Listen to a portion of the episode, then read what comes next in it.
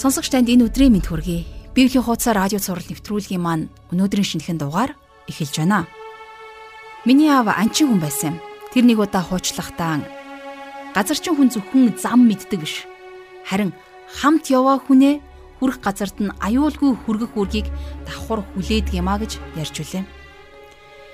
Есүс Христийг ирнэ гэж Израильчууд олон зуун жил хүлээсэн учраас тэгээд бас тэдний хамгийн хүндлэг Давидын удмаас мэдлэнэ гэсэн иш үзүүлэг байдаг учраас Есүс Христийг тэд хүлээн авч чадаагүй. Түүний үг сургаалыг хүлээн зөвшөөрсөн ч гэсэн харин өөрийг нь бурхан гэж тэд хүлээн зөвшөөрөөгүй. Есүс Христийг Давидын үр удам гэж хүлээн зөвшөөрсөн ч гэсэн харин Назарт амьдарч байсныг нь тэд хизээж хүлээн зөвшөөрөөгүй. Мөн түүнийг бурхантай харилцаатай нэгэн гэдгийг хүлээн зөвшөөрсөн ч гэсэн харин жинхэнэ аврагч Месиа гэдгийг хүлээн зөвшөөрч чадаагүй. Шалтгаан нь маш энгийн. Бид өөрсдийнхөө үүрч яваа зовлон хангалттай гэж бодсон учраас загалмайн зовлон Иесус Христ үүрх ёстой гэдгийг хүлээн зөвшөөрөөгүй юм. Тэгэхээр хамтдаа дуулал 22 Исая 53 дахь бүлгийг харцгаая. Эдгээр хууд суудал бидэнд байсан бол бид ч гэсэн тэгж бодох л байсан. Тэгвэл дахин нэг хуудас эргүүлээд дуулал 23 хэмээх гайхамшигтай дуулал магтуугаар дамжуулан эзэн хөтлөн дагуулдаг юмаа гэсэн урам зоригийн үгсийг бид хамтдаа уншиж болно. Тэр бол сайн хожим. Бидэнд дутах зүйл нэг ч байхгүй. Тэр бидний ногоон бэлчээр твтүүлж дүлгөө усны дэрэгдүүр хөтэлдэг юм аа. Магадгүй сонсогч та. Дуулал 22 шиг үхлийн харанхуй хүндийн мэд хүнд хэцүү амьдралыг туучин явж байгаа болол. Дуулал 23 шиг амар амгалан амьдрал танд заавал ирэх болно. Өнөөдрийн хичээлээр дамжуулан урам зоригийн үгсийг сэтгэл бадраах гайхамшигтээ баяр хөөрийн үгсийг эзэн бидэнд айлдж байна. Хамтдаа залбирцгаая. Мөнхийн аваа таньда энэ өдрийн төлөө талархал өргөн залбирч байна. Хайр инэрлийн эзэн минь Үнэхээр бид өхлийн харанхуй хүндийгээр туулж байгаа ч гэсэн харин хор хөнөөлөөс айхгүй гэж тунхаглаж байна. Учир нь таны саваа, таны таяг биднийг тайвшруулан тайтгаруулдаг. Эзэн та бидний дайснуудын үнд бидэнд ширээ застдаг учраас бидний толгойг тосоор тосолдог учраас мөнхийн эзэн минь бид таныг алдаршуулан магтан хүндэтгэж байна. Тэгээд аава таны буй асарт таны байгаа газарт бид хамтдаа байхыг хүсэж байна. Эзэн бурхан минь өнөөдрийн үгсээр дамжуулан унж доройтсон нэгэнд та итгэлийн галыг дүүргэн өгөөрэй. Эзэн өвдөж шансан нэгэнд Илаашлийн үгийг та сүнсээр босгон байгуулалтаар дамжуулан илгээгээрэй мөнхийн эзэн минь таньда талархал магтаалыг өргөж эзэн Иесусийн нэрээр залбирanгуйлаа. Амен. Ингээд хамтдаа жаргалах шиг хичээлд анхаарлаа хандуулцгаая.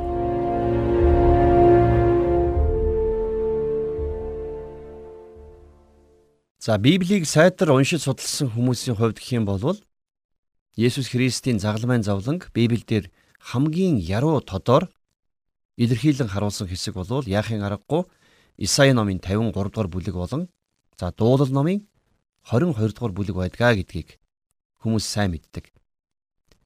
Маш олон итгэгчид сайн мэдээний дөрвөн номон дээр л Есүс Христийн загалмайн зовлонгийн тухай өгүүлсэн байдгаа гэж боддог. А гэтэл харин нарийн сайн үзэх юм бол сайн мэдээний дөрвөн номон дээрх тэрхүү үйл явдлууд нь Есүс Христийн эдэлсэн тэр аимшигт зовлонг хөндлөнгөөс нь хараад л үйл явдлыг нь товчхон тоочоод биччихсэн юм шиг санагдана. Харин яг загалмай дээр юу болсон бэ гэдгийг. Загалмайд хадагдах үед Есүс Христийн зөргсөтгөл оюун бодолд юу болж байсан бэ гэдгийг. За тэгээд яг үйл явдлын гол цөмөнд юу болж өрнөссөн бэ гэдгийг болвол бид нар Исая 53 дууллын 22 дугаар бүлгээс л мэдэх боломжтой байдаг.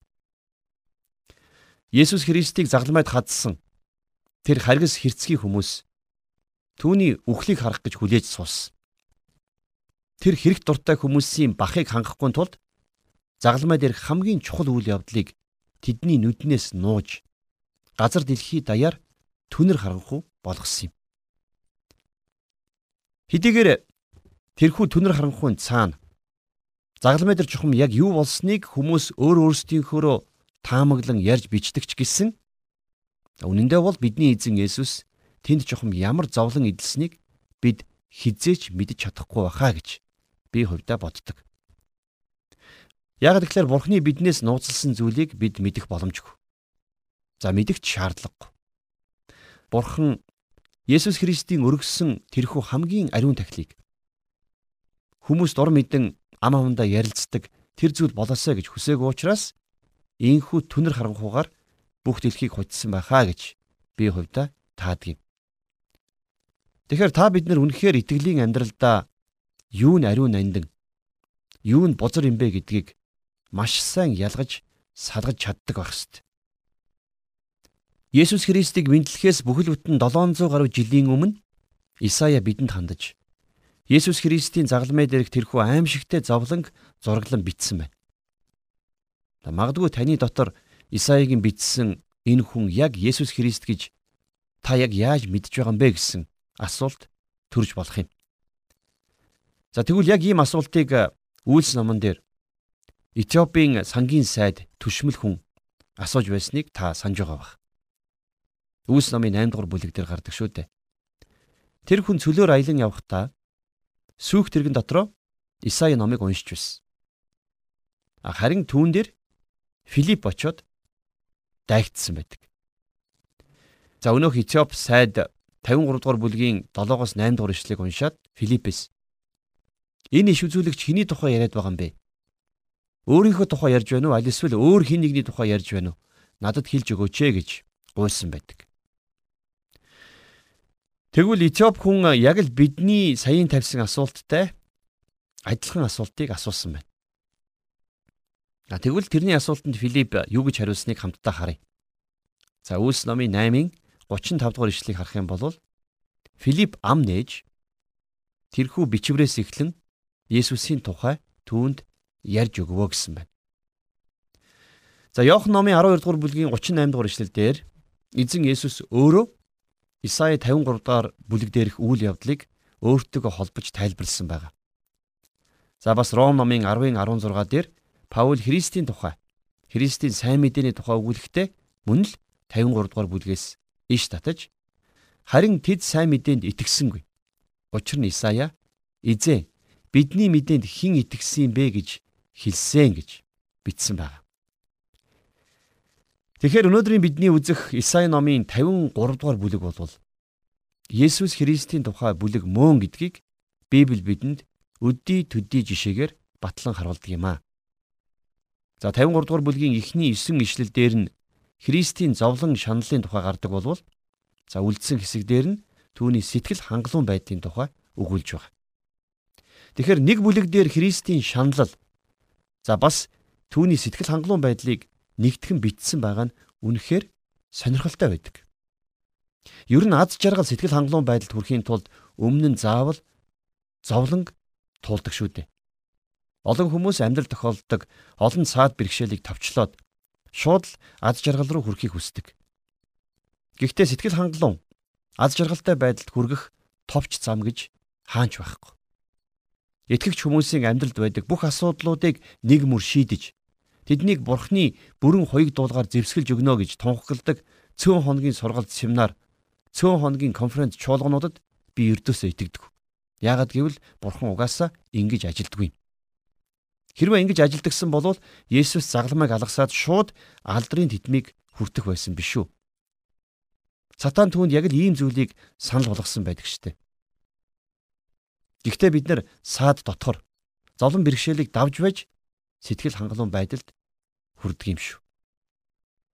Зовсны эцэст жаргана гэж монголчууд бид нар ярьдаг шүү дээ. Бидний бурхан ингэж л ажилдаг. Бурхан энэ арга замыг сонгосон байна гэдэг нь энэ арга зам хамгийн сайн арга зам байна л гэсэн үг. Магадгүй таны амьдралд яг одоо асуудал байж болно. Танд зовлон бэрхшээл тулгарч амьдралд чинь дааж давхын аргагүй мэд санагдах тийм асуудлууд байгаа бах. Хэрвээ тийм байгаа бол би өнөөдөр танд урам зориг өгмөр байна. Та яг л эзэн Есүсийн явж байсан тэрл замаар явж байгаа юм байна.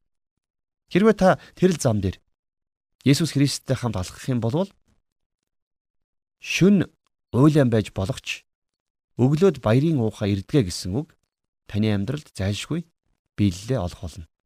За ингээд өнөөдрийнхөө хичээлийг эхлүүлье. Хамтдаа Есүс Христийн зовлон шаналлын дүр зургийг хамтдаа үзье.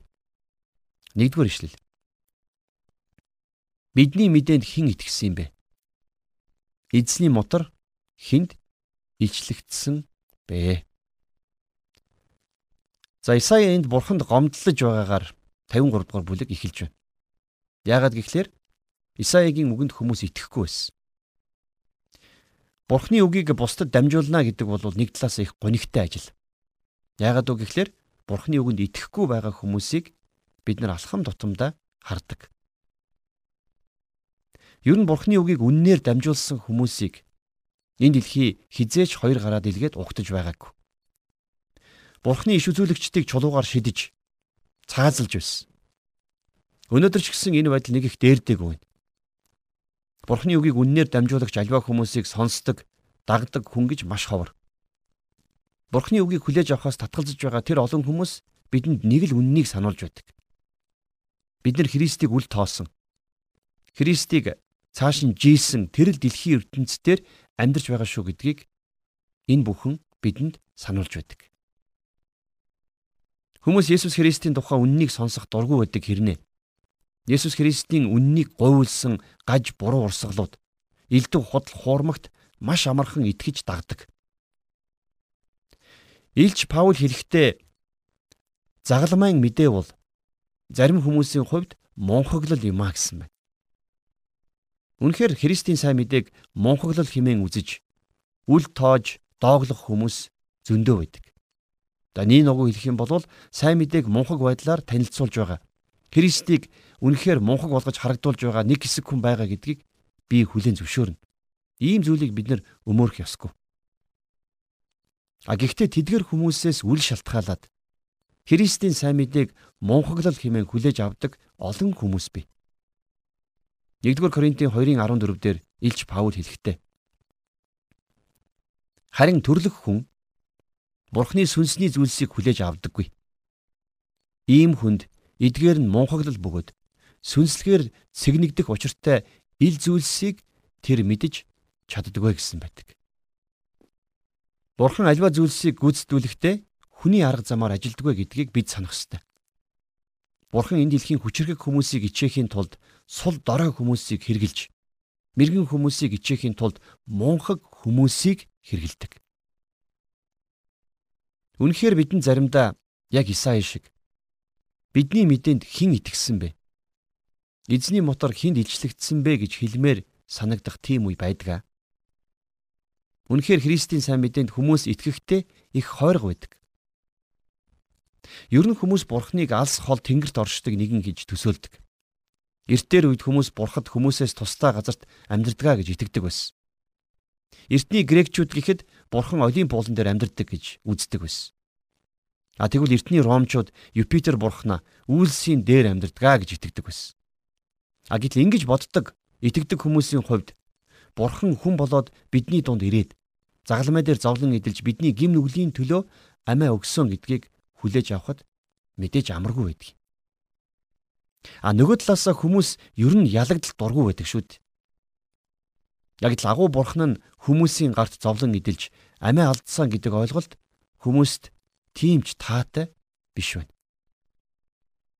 Гэхдээ Исаия 53 дугаар бүлэг дээр хүмүүсийн ийм үзэл бодлоос үл хамааран Есүс Христийн загалмайн зовлонг тодорхой бичиж үлдээсэн байна. Үнэхээр Есүс Христ та бидний төлөө өөр хэний ч амсаагүй зовлонг амссан юм. Үргэлжлүүлээд хамтдаа 2 дугаар ишлэгийг уншийе. Учир нь тэрээр түүний өмнө нялх нахаа мэд. Хуурай газраас гарсан үндэс мэт ургав. Бидний харахаар хэлбэр дүрс цог жавхлан түүнд байсангүй. Биднийг татхуйц дүр төрх түүнд алга байв. За Есүсийг энд хуурай газраас гарсан үндэс мэт гэж тодорхойлсон байна. Тухайн цаг үед Давидын хаанчлал хаан ширээнээс таслагдсан байсан. Израильчууд Ромын дарангуйллын дор зовон шаналж байсан. Тэд нар ирчлөөгүй байснаас гадна Ромын соёлын нөлөөнд ор улам бүр завхран доройцоор байсан.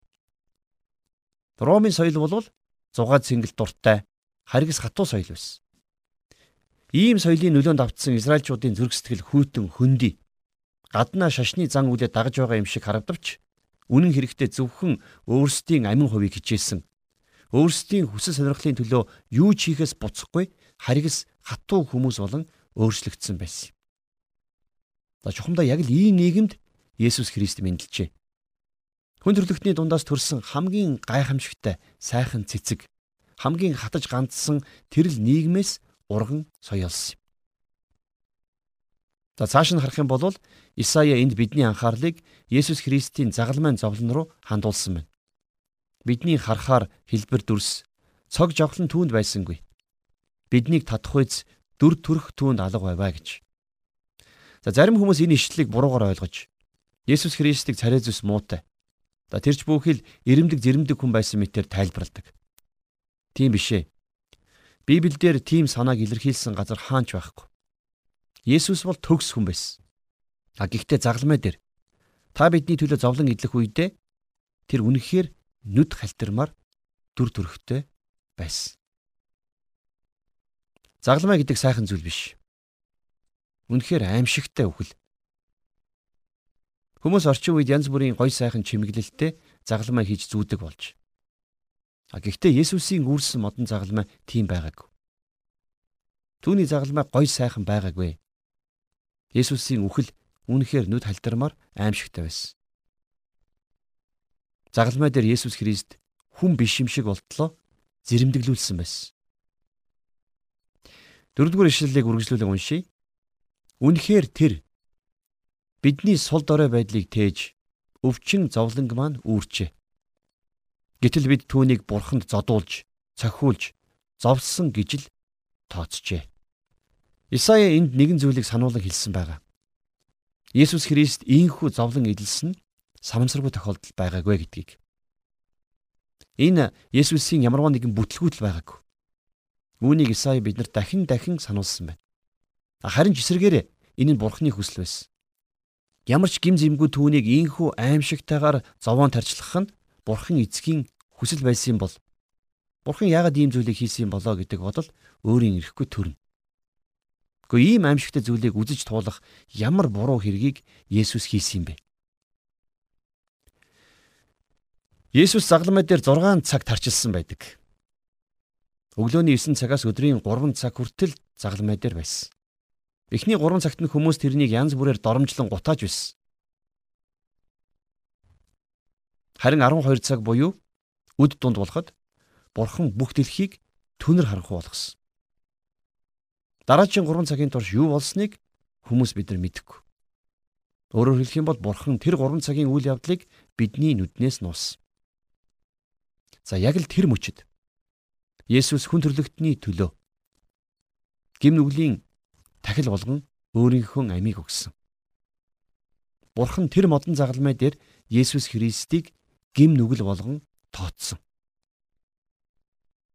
Өөрөөр хэлэх юм бол гим нүглийг мэдхгүй тэрээр та бидний төлөө гим нүгэл болгогдсон.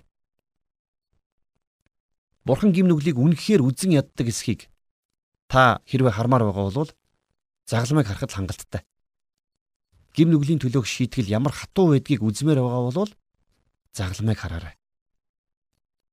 Хэрвээ бид нар Есүс Христийн биднэрт санал болгож байгаа авралаас татгалзах юм бол та биднийг ямар шийтгэл хүлээж байгааг та мэдхийг хүсэж байна уу? Хэрвээ тийм бол та загалмайг хар.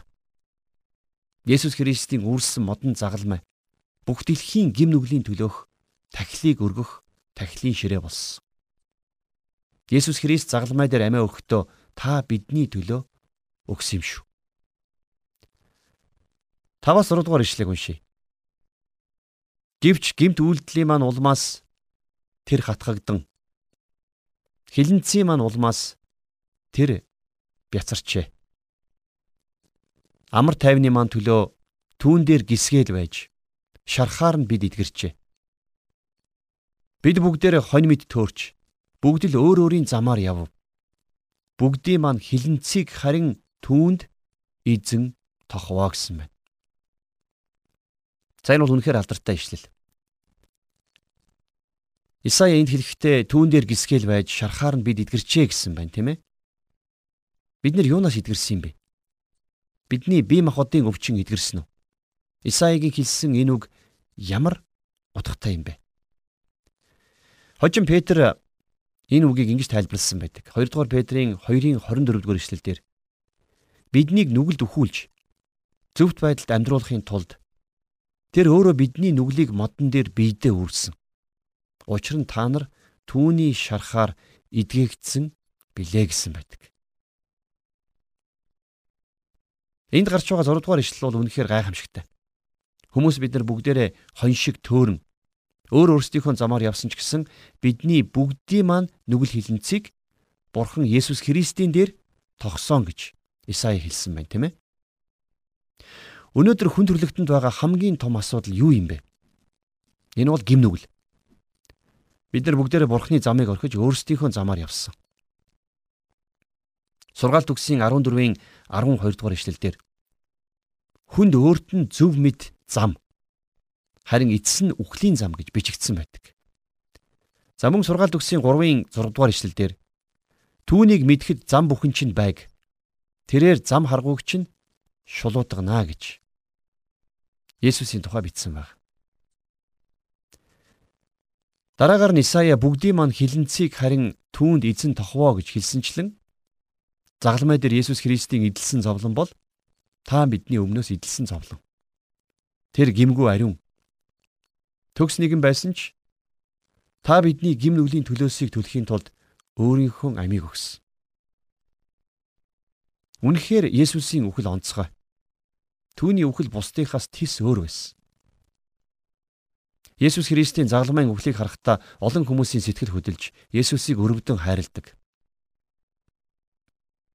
Нэгдсэн Францын анхны хаан гэгддэг Кловис хаан Христийн загламын үхлийн тухай сонсоод сэлмэн шүүрэн авч Би тэр үед Франкфурттайгаа хамт тэнд байсан ч болоосоо гэж хашгирсан гэдэг.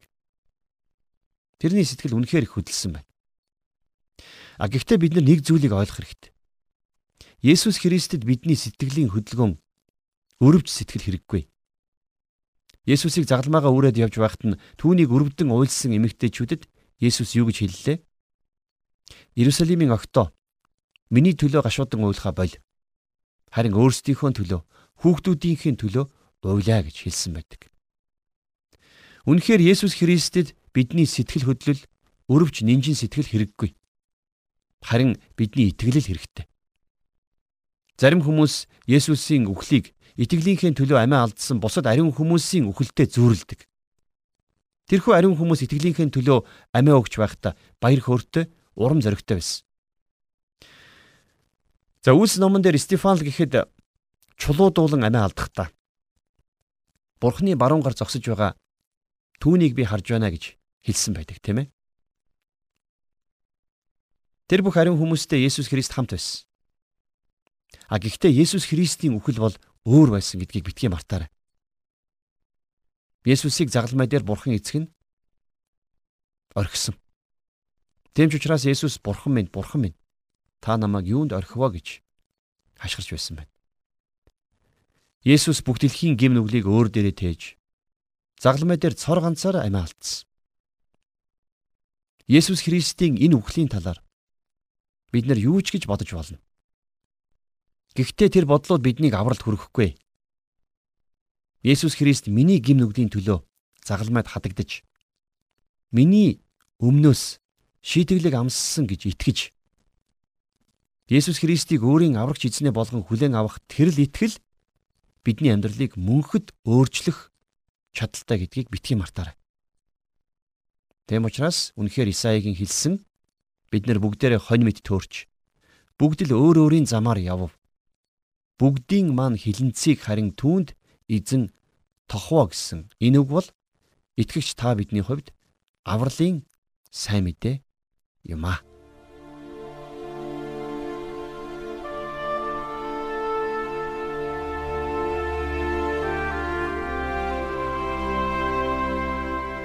Тэгэхээр өнөөдрийн хичээл үнэхээр гайхамшигтай байлаа. Яг л тус мэт зөөлөн бидний эмзэг газрыг илаашуулан эдгэж бидний хүнд хэцүү амьдралыг мартагнуулж харин ирэх ирээдүйн үед тэмүүлэх урам зоригийн өгс байлаа. Хичээл зааж өгсөн жаргал агштаа маш их баярлалаа. Библийн ихэнх хэсэг нь зөвхт байдлын талаар гимнүглээ хүлээн зөвшөөрөх тухай мөн амьдралдаа тохиолдох зарим нэгэн саад зовлон бэрхшээлийг хүлээн зөвшөөрөх тухай байдаг болохоор хүн ганцаараа уншиж явах үедээ зарим нэг ишлэл бүлэг номуудыг орхичмаар санагддаг баг. Харин дуулал номонд хэлсэнчлэн номлогчгүйгээр тэд хэрхэн сонсох үлээ гэсэн үгийг бид үргэлж санаж явах учиртай. Библийн хуудасаар нэвтрүүлэг бол Таныг өөрийнхөө амьдралаар амьдарч байгаад Библи гэдэг номыг олж авч мөн хэрэг болохоор зүйлээ хайж байхад чинь цүлд яг л Етоп сайтын сүх тэргэнд ойртон ирсэн Филиппийн шиг үйлчлэл гэж хэлж болно. Та өөрөө уншаад ойлгохгүй гарсан ч гэсэн. Харин Библийн хуудасаар хичээлийн өнгөрсөн дугааруудыг өмнөх хичээлүүдийг сонсох боломж танд үргэлж байгаа шүү. Та 3W цэг ихтгэл радио цэг.com гэсэн захин хуудасаар зочлоорой. Мөн заримдаа уншиж байгаагаа ойлгож байна уу гэж хинэгэн хэлээсэ гих үе ч гэсэн олон байдаг. Бид яг энэ асуултыг асууж мөн танд тайлбарлан танд эзний үгээр босгон байгуулах үйлчлэлийг эзний үгсийг сануулн зааж тайлбарлах үйлчлэлийг хийж байгаадаа эзэнд үргэлж талархал өргөн залбирдаг. Сонсогч танд бидэнтэй хамт байсанд баярлалаа. Дараагийн хичээл хүртэл өнөөдөр сонсон сурсан болгоныхоо төлөө бурханд талархал өргөж залбирцгаая. Хайр инэрлийн бурхан аав минь таньда өнөөдрийн хичээлийн төлөө талархал өргөн залбирч байна. Үнэхээр та Библийн хуудасаар радио хичээлээр дамжуулан ихтгэл найдварын шантарч мохсон нэгэнд урам зоригийн галыг та сэргээн бадрааж өгөөрэй. Мөнхийн эзэн минь та гайхамшигтай үгсээр дамжуулан бусдыг тижээн тэтгэж та өөрийнхөө үйлчлэл дуудаач гэж гуйн залбирч байна. Эзэн бурхан минь бидэнд бэлдсэн таны хайр шиг ивэл ерөөл болгоны төлөө бидэнд бэлдсэн хувь зохиол ам амьдралын төлөө танд алдар магтаалыг өргөж эзэн Есүсийн нэрээр залбирanгуйлаа. Амен.